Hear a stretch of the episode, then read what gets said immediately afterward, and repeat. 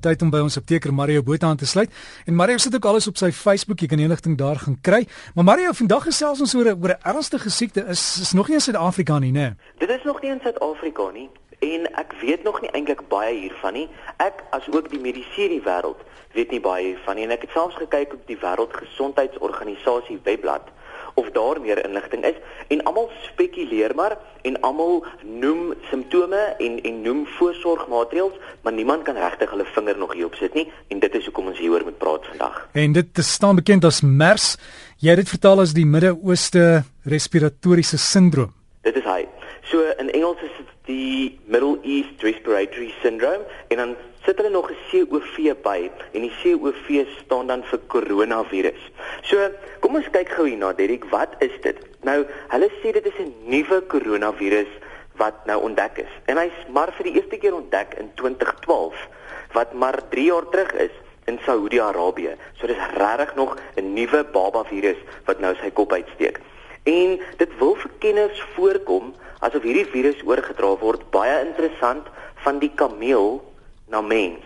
En dit lyk vir ons of dit veral kameelprodukte is wat mense gebruik, soos kameelmelk, kameelurine wat vir my baie interessant is, en dan ook kameelvleis. En dan word hierdie virus oorgedra na die mens toe. En 3 tot 4 uit elke 10 mense wat gediagnoseer word met hierdie virus, sterf. So dis regtig dodelik en lewensgevaarlik en dit is hoekom ons hierna moet kyk vandag. Mario en die hoeveelheid mense wat doodgaan daarvan jy het gesê wat 3 tussen 3 en 4 uit 10. Tussen 3 tot 4 uit elke 10 mense wat gediagnoseer word daarmee. Nou ek het bietjie statistiek. Die dodetal in Korea staan tans op 10 mense, maar daar is 122 mense al positief gediagnoseer met MERS. Dan meer as 3800 mense, 3800 was onder kwarantyne geplaas in Korea. Dit is amper 'n klein dorpie. En dan in Saudi-Arabië staan die dodetal alreeds op 282 met 688 mense wat gediagnoseer is. So Derek, dit klink vir ons in die wêreldpopulasie dalk nog na klein getalle, maar onthou, ek het so rukkie terug oor bakterieë en virusse gepraat en toe het ek genoem, dit vat tans in die wêreld slegs 3 dae vir 'n virus om elke uithoek van die wêreld te bereik. So, is hierdie iets waarna ons moet kyk en bewus moet wees verseker. Nou lande waar hierdie siekte nou al gediagnoseer is, sluit in, dis 'n lang lys, maar ek wil dit noem want ek weet ons het mense wat reis na hierdie lande toe. Dis Jordanië, Qatar, die Verenigde Arabiese Emirate, Frankryk, Duitsland, Italië, lekker Europese lande nê, Tunesië, Egipte, die Verenigde Koninkryk, Korea en nou die nuutste diagnose is gemaak in Amerika. En ek weet ons het Suid-Afrikaners wat daagliks na hierdie lande toe reis.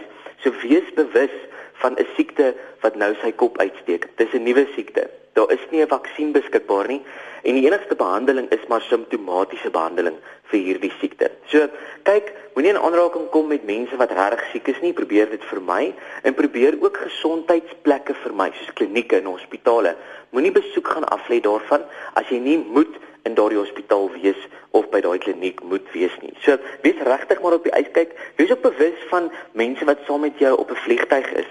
As iemand voor of agter jou sit wat erg hoes of benoud is of koors het en jy kan sien hierdie mens is siek, probeer kontak met daai mens vir my en vra dalk 'n ligvaardin of jy kan skuif dat ons probeer nie hierdie virus oordra na mekaar toe nie want op hierdie stadium is voorkoming die beste behandeling vir MERS op hierdie stadium. En Mario mens moet ook nou nie net soos 'n malvark in die straat afhard op die hande in die lug gooi en sê hier is moeilikheid, hier is moeilikheid nie. Dis nie so erg nie. Ons kan dit doen nie. Verseker dit. Ons kan rustig raak hieroor. Dit is nog nie in Suid-Afrika nie en die meeste gesondheids organisasies in die wêreld is nou bewus van MERS en hulle is op die uitkyk daarvoor. So wees rustig. Moet nou nie reisplanne kanselleer nie, maar maar dit is hoekom ons hieroor praat. Wees net bewus daarvan. En simptome sluit in koors, hoes, kort asem. Kort asem is die grootste simptoom van MERS. En dan in baie gevalle is daar diarree, naait en braaking. So my raad is, die inkubasietyd vir hierdie virus is 5 tot 6 dae. Wanneer jy terugkom van hierdie lande of in aanraking gekom het met mense van hierdie lande en jy raak binne 5 tot 6 dae of binne 14 dae is die langste inkubasietyd. Jy raak siek binne hierdie eerste 2 weke, gaan sien dadelik jou dokter. Gaan na hospitaal toe sê ek was in hierdie land waar MERS moontlik mag voorkom en sê dan dat hulle dadelik 'n ondersoek moet doen, 'n diagnose moet doen om te kyk of jy positief toets vir MERS en dan moet die nodige stappe geneem word. So, ek het op my Facebookblad twee webwerf nou nou kan ek net die Engels onthou, die links geplaas vir hierdie twee webwerwe. Gaan kyk daarna.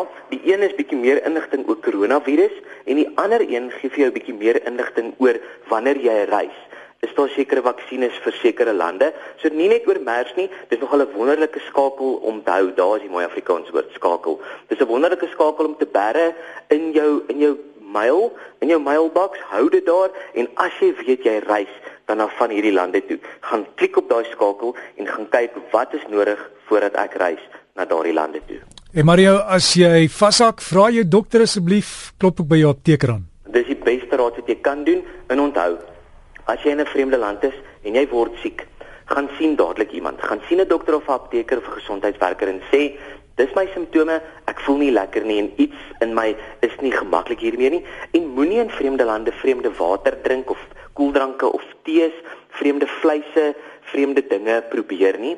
Jy kan dalk aksiegoeders doen, maar moenie kossoorte en en drinkgoed in jou liggaam probeer kry waarvan jy nie bewus is en wat jy nie weet wat die oorsprong daarvan is nie. So vir my kameel, as jy veral in die Arabiese skiereiland moet gaan reis.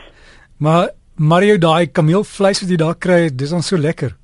O, ek ek weet nie. Ek het dit nog nie geproe nie en ek dink ook nie ek gaan in my lewe kameelvleis proe nie, maar Derek, ek gaan jou woord vat daarvoor. As jy sê dis lekker, dan glo ek jou. Ja, nee, is nie geen probleem nie. Mense drink ook die melk, is regtig nie sleg nie. So, en ek het gehoor dis voedsaam en ek verstaan hoekom daai lande dit seker gebruik. En ek het gehoor dat weet kamele is deel van hulle rykdom. So ek verstaan dat 'n kameel regtig ophef gemaak word in die Arabiese skiereiland en dit is vir hulle belangrik. Dis 'n statussimbool. Maar nou ons as Suid-Afrikanertjies weet ek nou nie of dit vir ons 'n statussimbool is nie en daarom dink ek moet ons liefs eerder van daardie produkte vermy. Ja, Mario, ek kan al sien kom ons aan en sê ons nee, ek is ek is vegetaries ja. en na 3 dae wil jy doodgaan omdat jy nie vleis kry nie. Omdat jy nie vleis gekry het nie. Marius, is alles op jou Facebook? Alles is op my Facebookblad en as jy vir my e-pos wil stuur, mario.m.botha@gmail.com. So gesels Mario Botha ons apteker hier op Breakfast met Derek. Onthou, raadpleeg ook asseblief jou dokter, geneesheer. En Mario se e-posadres is mario.m.botha@gmail.com. Gaan soek hom op Facebook, Mario Botha, skryf dit as een woord, .apteker, Mario Botha.apteker. Slim daar kry. Inligtingsnik is reeds daar.